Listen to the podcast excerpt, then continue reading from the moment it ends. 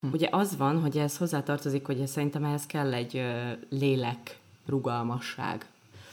Tehát, hogy az a, az a bizonytalanság, hogy akár holnap rám eshet egy főszerep, akár nem.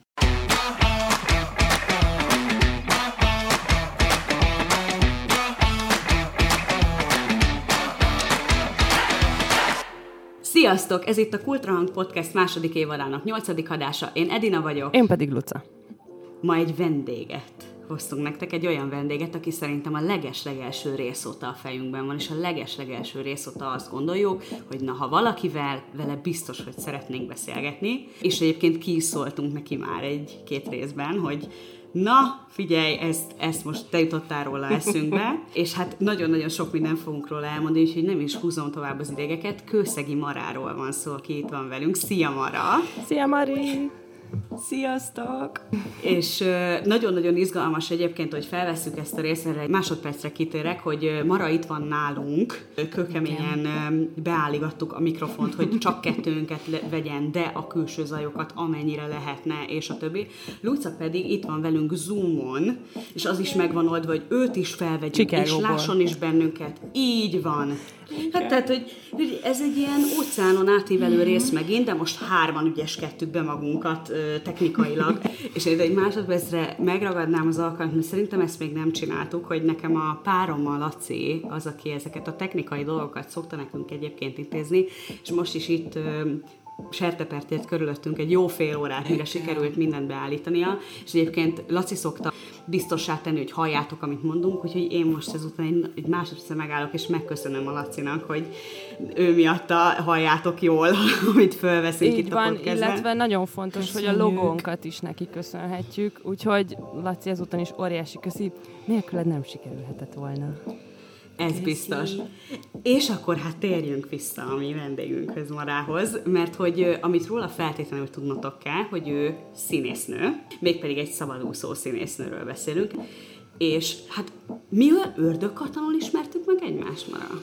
Hát úgy, úgy Isten igazából igen, amikor én a Káva Színházhoz oda kerültem, akkor meghívták a Katlanra a Szobor című előadást, és akkor beosztottak veled egy sátorba, és ezt már tudom, hogy például Lucával való barátság is így indult, hogy egy sátorba kerültetek, és akkor még én ezt nem tudtam, de, de hogy nekünk is egy ilyen, egy ilyen szép, szép, szép, szép kis katlan volt. Én azt előbb el kellett, hogy hagyjam egy jópofa bölcsesség fogműtét miatt. Tényleg? És, és mindenki így küldte a képeket és a, a, az üzeneteket, hogy ó, Lajkó Félix koncert a domboldalon, én meg a félpofám teljesen be van durran, vagy mondom, nagyon átélem, hajrá nektek. És igen, mi így találkoztunk, és utána, utána azért így még elég sok helyen és fronton így összefonódott az életünk. De azért milyen szép, nem, hogy Szerintem azért egy sátorban aludni egyébként valakivel egy elég intim dolog. És hogy mindannyian tulajdonképpen ilyen háromszögben ezt rögtön megugrottuk. Tehát, hogy ott, ott, ott, nincs idő, ott nincs idő az udvariaskodásra. És egyébként nem mellesleg Mara, mi is az ördögkatlanon keresztül uh, ismerkedtünk meg, de is annak a társaságnak voltál a tagja, akiknek Edina engem a katlanon Igen. keresztül bemutatott.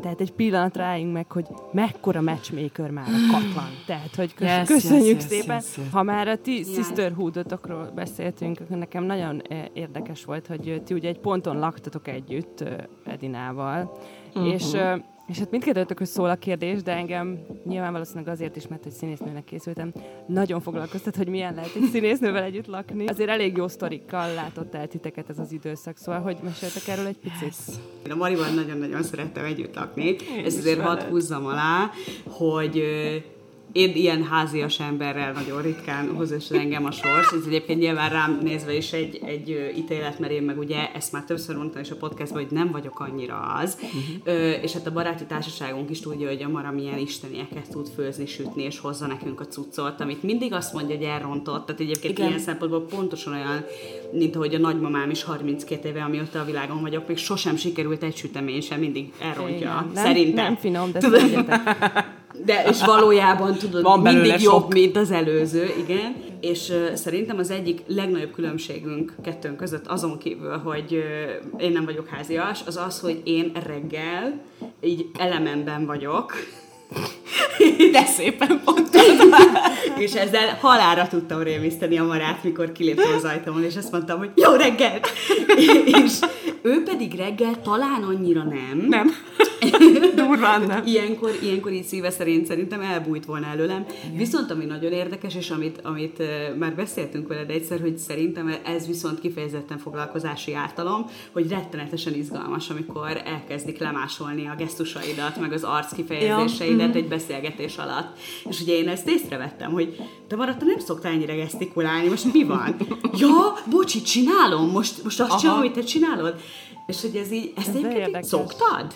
Igen, igen, ezt észrevettem magamon, és egyébként volt egy időszak, ez ilyen fiatal felnőttként, ilyen, nem is tudom, ilyen érettségi után, hogy egyszer csak azt vettem észre, hogy azokkal az emberekkel, akikkel így több időt töltök, a, mondato, a mondatai, a szavajárásai, a gesztusai, a, a ahogyan lejtenek így a szavak, hogy így ezt így visszaadtam így önkéntelenül, és, és ugye, hogy veled akkor, tehát, hogy nagyon-nagyon sokat bulisztunk is együtt, szóval, Igen. hogy viszonylag azért elég sok időt töltöttünk együtt, Igen. hogy mind a mellett, hogy lakótársak is voltunk. Igen. És, és ezt így észrevettem, mondom, hát, that's my thing, ugye, ahogy, ahogy mondja az mm. angol, hogy így alapvetően gyerekkorom óta ilyen nagyon paródiára hajlamos, és anyámat beidegeltem, hogy már megint paradizálsz, már megint paradizálsz, meg nem tudom, és hát nem tehetek róla. És egyébként nem hiszitek, én akcentusokkal csinálom ezt, ez és olyan érdekes, mert nem direkt jön. Ugye én egy olyan cégnél dolgozom, ahol nagyon-nagyon sok országból vannak mm. kollégák, és hát azért ez egy sértő dolog is tud lenni, amikor valakinek az akcentusát elkezded leutánozni, és, és észrevettem, hogy én ezt nem mindig veszem észre. De hogy egyébként tökre megértem, mert szerintem, ha ezt nem tudják róla az emberek, akkor, akkor azért néha kerülhet. Nem mindenki szereti. Én azon gondolkodtam, és olyan engem hogyan parodizálhatnak. Ez elkezdtem, mert volt, volt egy ilyen időszakom, emlékszem. És hogy azért ez tud egy olyan egy olyan, olyan negatív kritikaként is hathat, hogy ja, én ilyen vagyok. Uh-huh. Nagyon érdekes, amit mondasz, hogy ez valószínűleg, amit Edina is mondott, hogy foglalkozási ártalom, hogy eszembe jutott a, a mentes Júlcsival való beszélgetésünk, és, és a Júlcsi mesélte, hogy például az egyetemen volt kifejezetten egy olyan feladatuk, hogy hónapokig figyeljenek meg karaktereket a tömegközlekedésen, meg akárhol ilyen budapesti helyeken, és aztán abból építsenek valamit, nem kell egy az egybe azt a karaktert feltétlenül lemásolni, de hogy abból gyúrjanak össze egy ilyen ö, aztán színpadra állítható figurát. És hogy azon gondolkoztam, hogy hiába, ha egyszer van egy ilyen helyzetgyakorlatod, akkor biztos, hogy ezt iszonyú nehéz a fejedben ezt a funkciót, amit ilyen alaposan felépítettél, aztán kikapcsolni. És hogy valószínűleg nyilván ez lehet, hogy, hogy neked is gondolom, hogy szerepekhez figyelni kell akár konkrét embereket, akár embertípusokat, és hogy ez gondolom ezért is maradhatott benne de ha már színészet, meg karakterek megfigyelése a téma, akkor meséld el nekünk már egy picit, hogy hogyan kerültél te egyáltalán a színház vonzás körzetébe, mindig is szerelmes voltál belé, hogy, hogy kezdett el érdekelni, és aztán hogyan, hogyan lett belőle tényleg színésznő? Mm, ez a paródia az gyerekkorom óta megvolt. Mindig csináltam ilyen kis performanszokat. És akkor én ezzel is szórakoztattam a családomat, de én csillagász akartam lenni, illetve tengerbiológus, és akkor valahogy úgy volt, hogy így ilyen tök későn esett rám ez az egész ilyen színészet, gimibe, így a, egy, egy um, kettő egy barátom mai napig kérdezte tőlem, hogy nincs kedved ilyen színjátszókra? Á, mondom, oké. Okay és akkor utána így, ilyen, a visszajelzés az nagyon jó volt, de ráadásul az első fellépésem az olyan volt, hogy szemüveges vagyok, levettem, semmit nem láttam. Tehát fogalmam sincs, hogy kiküldtek. És akkor ez volt az életem első fellépése, ami így, hát oké, okay, a partneremet éppen, hogy láttam. És akkor elkezdtem a színművészetit így megpályázni, vagy hát itt felvételizni, és hát én vagyok az a, szintén az a százalék, akit így nem vettek föl. Ötször jelentkeztem az eszefére, háromszor Kaposvára, és ez a, hát így a traumák sorozat, tehát egyre több és többször egy utasítanak vissza, akkor így nehéz utána úgy ilyen nyitott szívvel, hogy ez az, nem érdekel, itt vagyok. Uh-huh. És én akkor uh, hagytam abba a felvételizést, amikor a Máté Gábor miután újra osztályt indított, mondta, hogy emlékszem az öt évvel ezelőtti zsidó nő monológiára, Örkény forgatókönyv című drámájából, nagyon jó volt, de maga már ne felvételizem, mert már nem lesz többet Júlia. És mondtam, hogy mm, eh, oké, okay, akkor, eh, akkor nem fogok többet felvételizni. És így, eh, így akkor így az maradt, hogy szabadúszás. És akkor az így, az így, az így nyilván felvételiztem öt éven keresztül, és el is kezdtem, elvégeztem egy keleti István művészeti iskolát, és így nagyon hamar el is kezdtem dolgozni. Egy évet voltam aztán Zalaegerszegen a Hevesi Sándorba, ha meg akarod tanulni ezt a szakmát, szeretnék kis alázatot összeszedni, akkor egy évet egy vidéki színházban lehúzol, ott megkapod a magadét, um, és az viszont ez egy nagyon jó tapasztalat volt ilyen szempontból, hogy, hogy Hát, hogy így, így, így tudjam, hogy hogyan is épül fel ez az egész kőszínház, mire lehet számítani, mi is az, hogy az igazgatóval kapcsolatod, a vezető színésszel, akkor a büfébe hogy kell viselkedni, szóval hogy ezek itt eléggé mm, kemény, kemény szituk, és valahol azt hiszem emiatt is döntöttem úgy, hogy én független leszek. Uh-huh. Egyébként itt egy pillanatra hadd javasoljam, hogy szerintem mind a hárman olvastuk a Sándor Erzsé uh-huh. Meddig jössz Meddig című jössz. könyvét, hogyha Igen. esetleg Ezt érdekel te, ez a világ. Pont te, ö, ajánlottad nekem. És hogy... azt te visszaigazoltad, hogy egy hogy mennyire eléggé, igen. erős képet ad erről.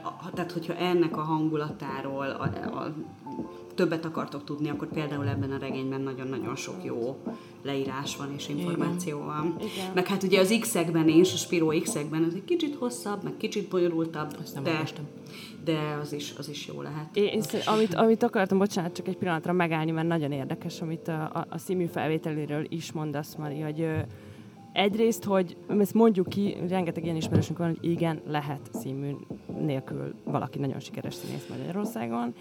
Egyrészt, másrészt viszont, bár nehéz a színműről most bármi negatívot mondani, amikor iszonyatosan vérzik a szívünk. De hogy azért azt gondolom, hogy az egykori felvételi rendszernek is megvoltak a maga hiányosságai és nehézségei, mint ahogy például egy ilyen bemondás nem feltétlenül van végig gondolva az, hogy ez mit csinál egy emberrel, és hogy egyébként is mi alapján válogatunk össze egy osztályt, és milyen kirívó ellenpéldák vannak arra amúgy, hogy brutál nagy korkülönbségekkel és tapasztalatbeli különbségekkel tök jó osztályok állnak össze. Tehát, hogy ezt, ezt azért ezt azért érdemes megjegyezni. Ez nagyon érdekes ezt kimondani, hogy oké, okay, ott áll az ember, hogy, hogy nem vettek fel, sőt, megmondták, hogy ne jöjjek vissza, ami tök durva. És igen, nagyon sok ilyen ismerősöm van, hogy köszönjük, de szőkelány már van az osztályban. Úgy tök jó vagy, de szőkelány már van az osztályban. Uh-huh. Tehát, hogy olyankor így akkor, akkor kanalazzuk össze magunkat, és mondjuk azt, hogy jó, de akkor mit? És akkor ezért nagyon érdekes, hogy akkor mit? Hát igen, ugye ez a, ez a legnagyobb, szerintem így rendszeresen szoktunk Edinával így beszélni, mert így néha így szegényre így kifröccsentem így a, a casting élményeimet, meg így a pályán tapasztalható én igazságtalanságot, hogy ugye eleve az van, hogy az egész tehetség ez egy eléggé vitatott, mert én most már eléggé úgy hát eljutottam odáig, hogy Valószínűleg ezen a földön mindannyiunknak helye van, és helye van egy bizonyos színháznak, most direkt nem mondok neveket, és bizonyos színháznak is, és nekem is helyem van. Tehát, hogy valahogy így azért ez így, így tehát ezt mutatja meg az élet. Viszont nagyon nehéz egy ilyen erős visszautasítás után azt mondani, hogy ah, én jó vagyok, tovább tolom, nem baj.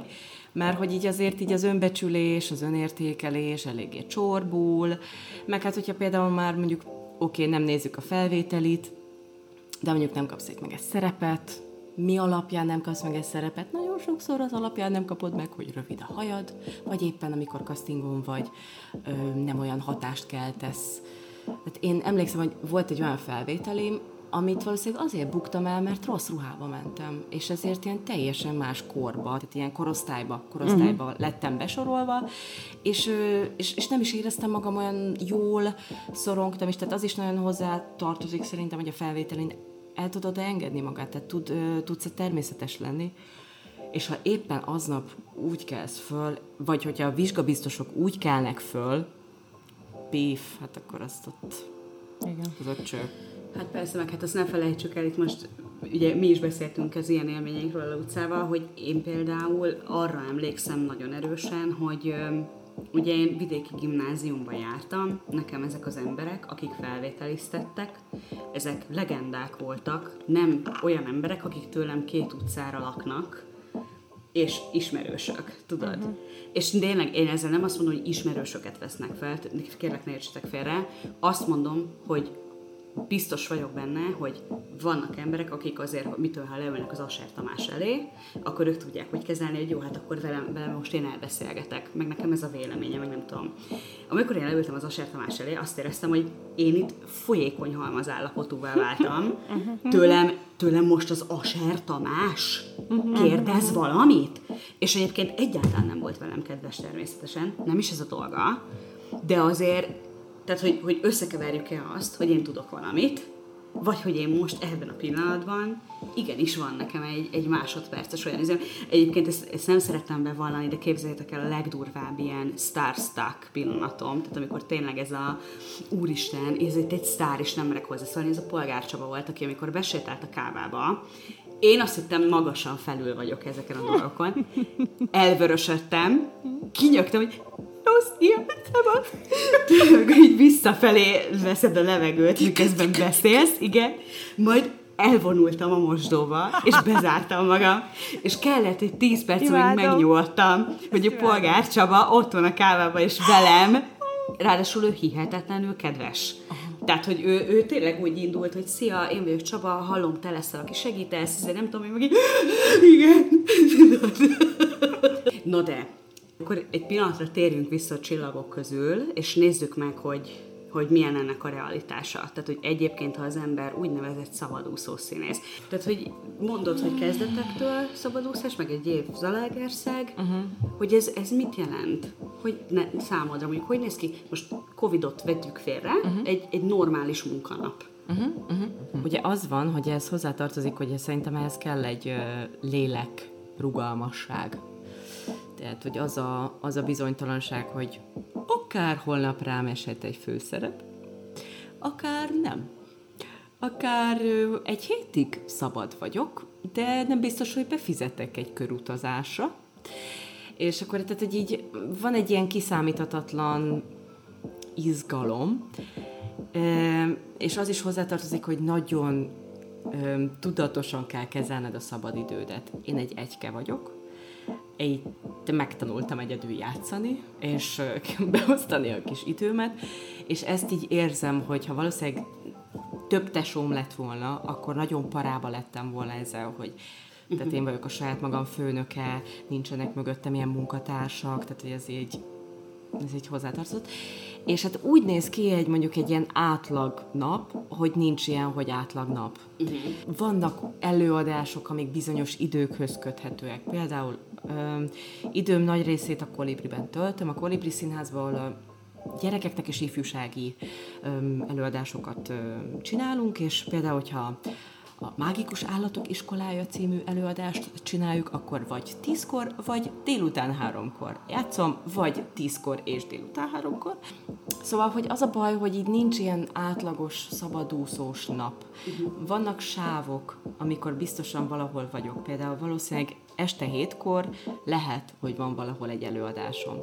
De az is lehet, hogy az vidéken, lehet, hogy Budapesten. Lehet, hogy éppen behívtak előző nap tömegezni a szinkronba, de lehet, hogy nem. Lehet, hogy éppen rám esett egy forgatás, lehet, hogy nem. Így minden egyes nap más. És nincs rendszer. Ezt nem mindenki bírja jól. Én én nekem az életnek a munkában ez a fokú rugalmatlansága, kiszámíthatatlansága, nekem ez belefér. Uh-huh. Mert eddig mindig volt valami munka. Én el is csodálkoztam ezen többször az évek alatt, amióta ismerjük egymást, hogy ezt te mennyire jól kezeled, mert én például tök alkalmatlan lennék egy ilyen helyzetben, nekem bizonyos keretek azért kellenek. Figyeltelek, hogy amikor arról volt szó, hogy találkozunk valami programra, akár este, akár mikor, hogy te így simán bemondtad, hogy ja, persze, aznap játszom egyet, de utána jövök, vagy hogy este játszom egyet, de előtte elérhető vagyok, ami számomra az, az alapján, a nagyon kevés szín, színpadi tapasztalatom alapján, ami van, teljesen elképzelhetetlen lett volna, hogyha én este játszom, délután ne szöveget mondjak. Tehát, hogy ez tök, ja, hát ez, ez tök jó, meg ez tök laza. Tehát szerintem ez egy nagy skill, és, és, és nehéz lehet ezt jól csinálni. Ez hozzátartozott, hogy, hogy, egyszer csak fejen kólintott egy főszerep, Antigoné Kreonját játszottam, és egyszer csak így nagyon át kellett váltanom magamba. Előtte nagyon görcsös voltam, és utána viszont valami nagyon átkattant bennem, és emlékszem, egy, egy barátom így rám ért, hogy így felhívott, hogy mit csinálsz? Mondtam, hogy 5 perc van előadásom van, miért? És felveszed a telefont. Hát van olyan előadás, ahol például annyira nyugodt vagyok, hogy tudom, hogy mi fog történni, saját magamban biztos vagyok, de mondom, ez kellett egy főszerep, egy olyan főszerep, hogy így biztos, hogy így azt mondta nekem a rendezőm, hogy Mari, nyugodj meg, Na, és erről szólt a próba folyamat, hogy engem lenyugtassunk a francba. Elég jól sikerült akkor ezek szerint. És lenyugodtam. Ez egy nagyon jó előadás volt egyébként, sajnos már nem játszátok. Úgyhogy nagyon keveset játszottuk. Keveset játszottátok, keveset. igen. A ruha az megvan. És ezt külön imádtam benne, hogy ezt hadd említsük meg, hogy ott egy kis Erzsé dalt énekeltél a végén, és ilyen, ilyen tényleg ilyen elementáris erővel, és ez nekem azóta bennem van, ahogy, ahogy te ott mész kifelé, és énekled azt a dalt. Ha Kis Erzsi csinálta a zenéjét, igen. az egészet, az, az hát igen, Kis Erzsi. Ezt nagyon sajnálom, hogy ezt kihagytam, de ezt most ugye látom magam előtte, hogy a Mara Kis Erzsit énekel. Um, szóval, hogy ezt elmondtad, hogy milyen uh, milyen nehézségei vannak egy, egy ilyen szabadúszó létnek már békeidőben is, és akkor ehhez képest el tudom képzelni, illetve nem biztos, hogy el tudjuk képzelni, hogy, hogy mennyire érzékenyen érintett ugye itt a Covid, meg hogy milyen következményei voltak ennek, és, és azért, is, azért is örülünk, hogy itt vagy, és erről tudunk beszélgetni, mert hogy Edinával mi már egy csomót foglalkoztunk azzal a podcast korábbi részeiben, hogy, hogy befogadói oldalról ö, mi hogyan tudunk a pandémia során is kultúreseményeket találni, a, igaz, hogy kicsit megpedzegettük azt is, hogy hogyan tudjuk támogatni a, a művészeket, akik nagyon szenvednek ebben az időszakban, de az, hogy valaki így első kézből tényleg el tudja mondani, hogy milyen húsbavágó ö, probléma ez, erre még nem volt eddig lehetőségünk, úgyhogy szerintem Ani mesélj egy picit arról, hogy nyilván elementárisan megváltoztatta az életedet ez az időszak. Igen, igen, eléggé megviselő volt. Ugye ez egy hozzátartozik egy olyan szép mondás, szerintem ez ilyen szabadúszó himnusz is lehetne, hogyha nem dolgozol, akkor nem is eszel. Mert akkor nincs fizu. Tehát, hogy ö, nyilván így rendelkezel a saját szabadidőddel, de persze elmehetsz fesztiválozni, meg inni a haverkáiddal, de hát akkor ugye nem dolgozol, tehát nem keresel pénzt. És ö, Hát nekem így a Covid alatt volt egy ilyen plusz nehézség, hogy egy magánéleti zűr is jött, és egy eléggé erős krízis vette kezdetét. Szóval, hogy nekem ezért eléggé megterelő volt, így az első hullámtól kezdve. Ez úgy zajlott, hogy március 10-én megtudtuk, hogy itt jön a para, pont egy bemutatóval készültünk, akkor valahogy megcsináltuk így, így pár barátnak, nem nyilvánosan, és akkor így leálltunk. Nekem az volt a szerencsém, hogy előző télen rengeteget dolgoztam. Tehát ezt úgy képzeljétek el, hogy elindultam nyolckor, és sokszor hajnal kettőkor ért véget egy nap. És ebben benne volt persze mondjuk egy színműs próba folyamat, ami full ingyen van, de ilyen rengeteg ilyen vidéki ingázás Pesten, és pont úgy jöttek össze így a munkák, lehet, hogy megérezte az univerzum, nem tudom, hogy nekem majd kelleni fog egy tartalék, uh-huh. és az így márciusra lett, ebbe lett egy próba folyamatnak a díjazása, és akkor ez így lett egy ilyen, hát azt mondom, hogy így ezzel így el lehet lenni pár hónapig azért uh-huh. biztonságban. Igen, elérkezett a szeptember, az úgy már úgy kezdett olyan szomorú lenni, lett egy pár hónap munka, és hát nézzétek, tehát, hogy egy picit dolgoztunk össze, aztán megint lecsapták az egészet. És hát ami bennem megfogalmazódott most ebben a télben, az egy nagyon erős igazságtalanság, hogy olyan ez az egész szabadúszó lét, mint hogyha itt se lennénk a társadalomban, mint hogyha milyen kivetett kutyák lennénk, vagy hogy nem lenne ránk szükség ezekre a művészekre. És ugye azzal, hogy nem csak színészek nem kaptak fizetést, hanem kis pedikűrösök, kozmetikusok, fodrászok, kisvállalkozók, senki. És, és ettől ilyen nagyon szomorú és rettent, volt egy dű időszakom, hogy, hogy nem hiszem el, hogy úgy vagyunk kezelve, mint valamilyen leprások. Pedig itt vagyunk, és egyébként én nekem az volt az érzésem, hogy ha nincs Covid, akkor én köszönöm szépen, jól el vagyok. Tehát, hogy annyi előadásom van, szerencsés vagyok tökre, hogy itt vannak ott is a Jurányiba, ott is van egy, ott is, én mit tudom, tök jól vagyok, köszönöm szépen, nagyon szeretem a munkámat de hogy hát nem én tehetek erről, viszont valahol minősítve is vagyok, mert nem kapok támogatást sehonnan se, és egy csettintése váltsál szakmát. Ja, és hát a kedvencem az az volt, amikor elgondolkoztam azon, hogy jó, oké, okay, nem egyszer voltam én is másodállásban, árultam korcsolyákat a Marcibányi téri pályán, vagy mi ez a jégpályán, tehát tudom, ültem ott a kis fémkabinomba, és van, van ilyen. Viszont mit tudok csinálni? És akkor az első gondolat, á, elmegyek pincérnek. Jaj, várj, azt se fogok. Azt se fogok, mert hogy nincs. És utána volt ilyen időszakom, hogy néztem állásokat, hogy Aldiba, Lidlbe, Dohányboltba, Rossmannba, DM-be, mi van nyitva, mit, mi, hova lehet menni. És ugye azon nem csak nekem szűnt meg a munkám, hanem nagyon sok mindenkinek. És akkor amit tudtam csinálni, hogy ne bolonduljak meg, hogy folytattam a YouTube csatornámat, és beszéltem arról pár száz embernek, hogy mit is csinál egy szabadúszó színész a karanténba, és ezzel próbáltam nem megőrülni.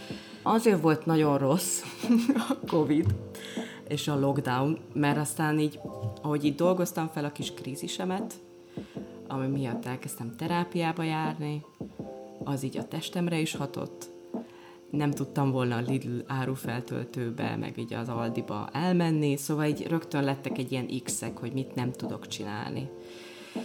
És hát akkor eléggé az volt, hogy akkor otthon maradsz a fenekeden, és kibekkeled. De itt durván, és akkor az volt, hogy 33 évesen azt mondom anyámnak, hogy anyu, segíts. Mm. És akkor így.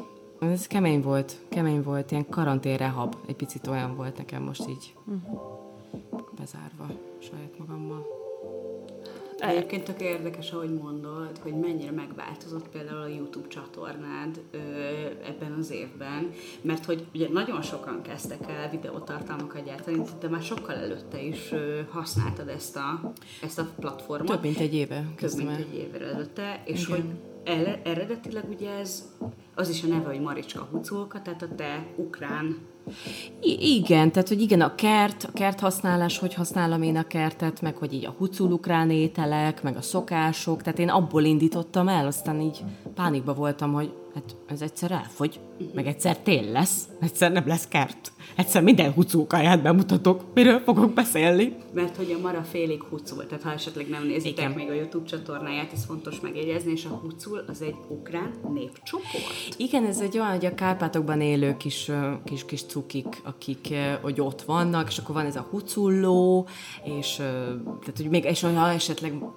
ha hallottatok volna valami ilyesmit, hogy így, ah, de valami ló fajtát így hallottam. Igen, van egy ilyen huculló, ez ilyen teherbíró, hogy ilyen nagyon ilyen sok, sok mindent így visz ott a hegyekben, és igen, ők egy ilyen, egy csoport ott uh-huh. fönt Kárpátokban. Onnan indultunk, hogy hucul ételek, meg kert, meg zero waste, és hogy, hogy egyszer csak elkezdtél ilyen nagyon mély problémákkal foglalkozni, és behozni Igen. ezt a a terápiás folyamatot is, meg azt, Igen. hogy tanultál, meg hogy oké, okay, hogyha szarul vagy ebben az egész helyzetben, yes. hogy ez, ez egyébként úgy jött, amit az előbb mondtál ezt a példát, hogy, hogy nagyon feszített belülről, és azt tesz, hogy ez lesz az a szelep, ahol a legjobban uh-huh. jön ki, vagy, vagy úgy döntöttél, hogy egyszerűen ezt a csatornát ezt tovább akarod bővíteni uh-huh. mindenre, amit te vagy. Már így évek óta volt egy ilyen képem, hogy én úgy képzelem el a családunkat, vagy a, a családot, hogy van egy ilyen gletszer folyam.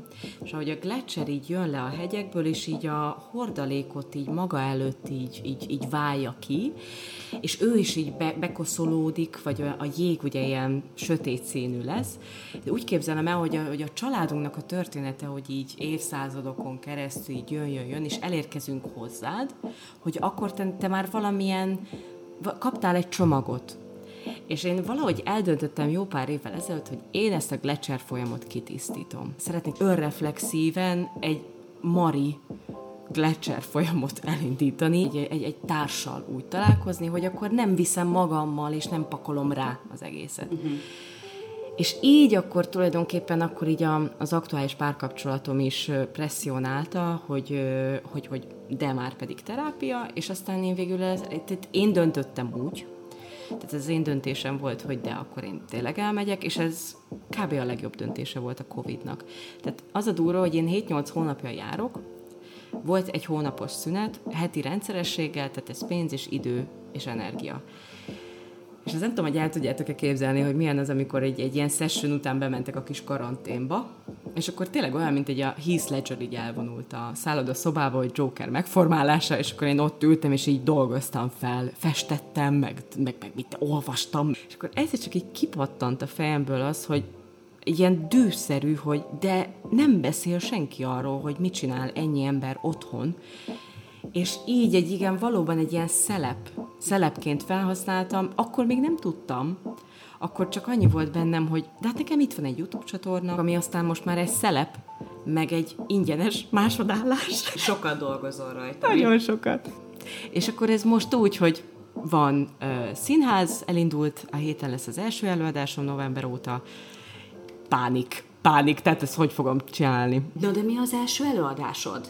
Hét nap, Nézőművészeti Kft. Mesélsz nekünk egy picit erről az előadásról, mert említettük itt, mikor itt beszélgettük még a felvétel előtt, hogy ez egy számodra különösen fontos előadás, hogy mit kell erről tudni. Nagyon-nagyon meglepődtem, amikor megkeresett a Gyulai Eszter, a Nézőművészeti Kft-nek a művészeti vezetője, dramaturgia, szíve, lelke, hogy, hogy, hogy így, így, gondoltak rám. És akkor így ebbe így bekerültem, Jankovics Anna a partnerem, ez egy, ez egy Eve Answorth regény adaptáció, Sheryl Pepper rendezte. Ezt úgy képzeljétek el, hogy gyakorlatilag, mint ilyen kettő pici monodráma így összepasszintva, van az Emma karaktere, én a Petra vagyok, és akkor az ő mindennapjai hétfőtől vasárnapig, tehát egy hét történése, és akkor mindenki maga monologizál, és néha találkozik a két szereplő, és akkor van egy rövid párbeszéd. És hát az előadás az erőszakról, a bullyingról, a hatalomról, a féltékenység, stb. szól. Mm, Ezt iskolákban játszátok egyébként? Iskolákban, B32-ben, még, még Covid előtt akkor így játszottuk, azért így havi egyszer uh-huh. felnőtteknek, és akkor néha, néha van ilyen program, hogy szülőknek, és akkor a gyerekeknek is. És akkor a szülő és a gyerek is lát egy ilyen előadást, és akkor utána hát, ha találkoznak, uh-huh. beszélgetnek otthon. Nekem azért volt nagyon-nagyon fontos, vagy azért nagyon fontos ez az előadás, nem csak azért, mert színészileg egy ilyen óriási élmény, hanem mert én en, ez, ennek a, az előadásnak a kapcsán találkoztam így az erőszakkal. Talán az előadás egy kb. egy órás, és utána van egy feldolgozó foglalkozás. A, hát igen, ahogy elindultunk, kettő, kettő szakemberünk volt. Volt egy pszichológus, a Lénert Kata, és a másik pedig a Takács Hajnal traumaszakértő. Na, én tőle nagyon-nagyon sokat tanultam, ahogy ő beszél az erőszakról, ahogy feldolgozza a gyerekekkel. Én így nem csak azt köszönhetem ennek az előadásnak, hogy így színészileg így baromi jó szerepet kaptam, szerintem, hanem így, így, így magánemberként, hogy így ezzel mit tanultam. Uh-huh. Ez a hajni mondja, hogy az erőszakról jobb tudni, mint nem tudni, mert hogy magát a természetét tudod, akkor felismered, és akkor tudsz reagálni. Hogyha ezt nem tudod, akkor vagy elfogadod, észre se veszed, és már az életed része. Uh-huh. Ez nagyon izgalmasan hangzik. És akkor meg lehet nézni, azért van még remény, hogy Hát én nagyon remélem, Játszátok, hogy ez... és iskolán kívül is esetleg látni lehet. Igen, párszor, párszor volt egy ilyen mm, nagy ritkán kivétel, tétel, hogy így egy ismerős így bekúszott. Pakson így látta anyukám például, és akkor őt így bekúszott. Én, én szeretnék tisztelettel jelentkezni egy ilyen pozícióba, bármikor szeptember után. Van esetleg olyan előadás még ezen a hét napon kívül, ami ilyen közel áll hozzád? Hát igen, a monodrámám az a, az sf a diplom, diplomamunka az volt, az volt a feltétel, hogy hozzá létre egy monodrámát. Rendező nélkül Hát wow. ő, én bár ötös kaptam, de én képtelen voltam külső szem nélkül, 31 két évesen, nem, nem, egyáltalán, tehát szerintem, tehát nem tudom, hogy hány évesen lehet rálátni uh-huh. saját magadra, hogy mit csinálsz, szóval szerintem azért a rendező feladata azért nem elhanyagolható megtanultam, hogy milyen az, amikor a színész unja saját magát. És miről szól a monodrámád? A monodráma, én úgy indultam el, hogy nem tudtam, hogy mit csináljak. És ez csak így a kezünkbe került egy, egy film, a Ma szőke vagyok, lány kilenc parókában, egy 20 éves kis csaj, egy nagyon agresszív daganattal diagnosztizálják, iszonyú kevés túlélési eséllyel. A daganatos betegség, a rák, azon keresztül ugye a nőiesség, a szépség, a szerelemhez, a testemhez való viszony. Egy barátommal, aki aztán rendezte ezt, vagyis segített a rendezésben, György Zoltán Dávid, ő vele beszéltük, hogy mi lenne, hogyha interjúznánk hogy van a környezetünkben is olyan nő, aki átesett, aki meg lett műtve, aki évek óta tünetmentes, aki, aki jelenleg is küzd. És akkor egy nagy nehezen kéztördelve kiraktam egy Facebook posztot, zavarban voltam, viszont rengeteg női megkeresés jött. És, és akkor így nézegettük, hogy aha, most van egy tetemes mennyiségű anyagunk, viszont nincs dramaturgunk. És akkor én megkerestem Lengyel Annát, aki már nincs köztünk, hogy ő is a, a próba folyamatunk alatt, és évek óta ő tudva levő, hogy ő a daganatos betegségével küzdött, és létrehoztuk ezt a monodrámát egy lánynak a történetéből, és az ő vele készített interjú alapján. Mellik témának hívják, és akkor legépeltük. Ez csodálatos időszak volt, hogy mindenki gépelt ezerrel interjúkat. Azért röhög egy picit, mert én is. Igen, Edina is gépelt. Voltam, de átküldték a Timinek a történetének egy részét.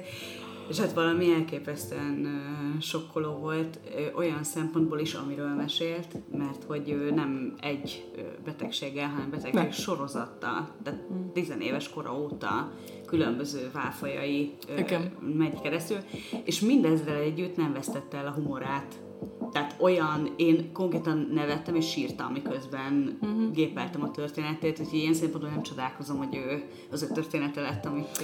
Igen, nagyon-nagyon eseménydús. És valóban ő megőrizte így ezt a báját, ezt a kedvességét, hogy az élet az pozitív. Úgyhogy ő, ő, ezt nagyon szeretem, ezt az előadást. Nagyon keveset játszottam, sajnos, és ezért ez egy, nem egy bejáratot, mint mondjuk a hét nap. Uh-huh.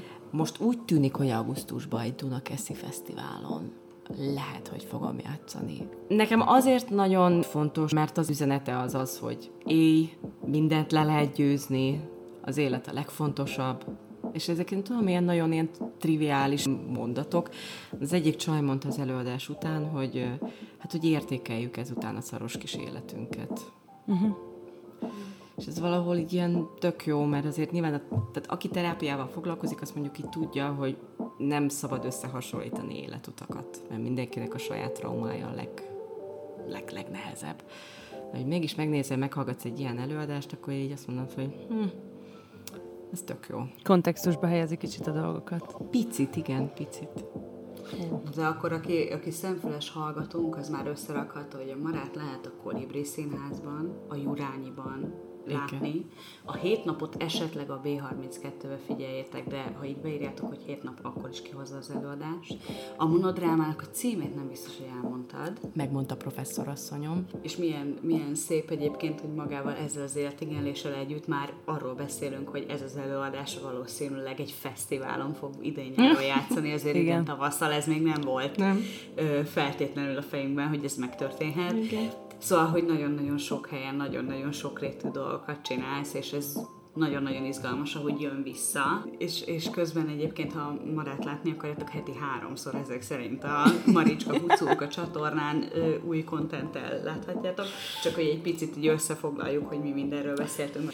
És szerintem eljutottunk addig a pontig, amit eddig minden vendégünkkel ö, úgymond eljátszottunk, hogy egyszer csak felteszünk neked egy pár személyes kérdést, és kíváncsiak oh. vagyunk a válaszodra. Az első ilyen kérdésünk az az, hogy mi kapcsol ki téged igazán?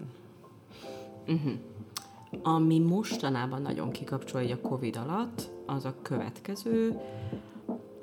YouTube videók alapján elkezdtem festeni. Van egy uh, Serena Art, gyakorlatilag lemásolom a festményeit. Heti háromszor futás, az nekem a meditatív zen, uh-huh. és uh, hétvégente pedig a túra. Szóval nagyon aktívan kapcsolsz ki. Én nagyon szeretek így aktívan, igen. És ha bárkivel beszélgethetnél, legyen ez most élő, vagy nem már nem élő ember, teljesen mindegy ki, ki lenne ez az ember? Én az első adás óta hallgatlak titeket, és rendszerint szoktam válaszolni ezekre a kérdésekre. És azon gondolkodtam, hogy ha valaha eljutok ebbe a pozícióba, hogy a mikrofon e, itt e, e, e végéről fogok itt mondani, akkor azt mondani, hogy Robin Williams. Ő vele. Nagyon. Nagyon. Oh. Robin Williams, igen. Így Nagyon van. nagy hatású színész és komikus. Nem tudom, láttátok-e a vele készült dokumentumfilmet? Oh, hát az olyan. Leülnék mellé, beszélj, mesélj, de jó. Nevetni, nevetni fogok nagyon sokat, mert baromi vicces vagy. De lehet, hogy sírni is fogunk. És lehet, hogy sírni is fogunk, és lehet, hogy majd nem tudom, igen, te is sírni akarsz, de, de hogy, hogy beszélgetnék veled nagyon-nagyon-nagyon-nagyon szívesen. Ez de jó. És akkor kicsit erre is kapcsolódva kérdezném meg, ugye te, mint online tartalomgyártó és YouTube csatorna üzemeltető, ezért most inkább a színház helyett a filmekkel kérdezném meg azt, hogy, hogy melyik volt az a film, bármikor, amit láttál, ami, ami óriási hatással volt rád? Ez lehet egy Robin Williams film is nyilván. Volt egy ilyen mozi élményem, ami azért gyökeresen megváltoztatta a mozival való én viszonyomat. No, alsós vagyok, és a Donát Kacsás hátizsákom és Tom és Jerry is tornat zsákomban megyünk anyuval moziba. Nézni a Pocahontas-t Kaposváron. Megveszünk a jegyeket, beülünk, elkezdődik egy felnőtt élőszereplős film. Pierce Brosnan, akkor még nem tudtam.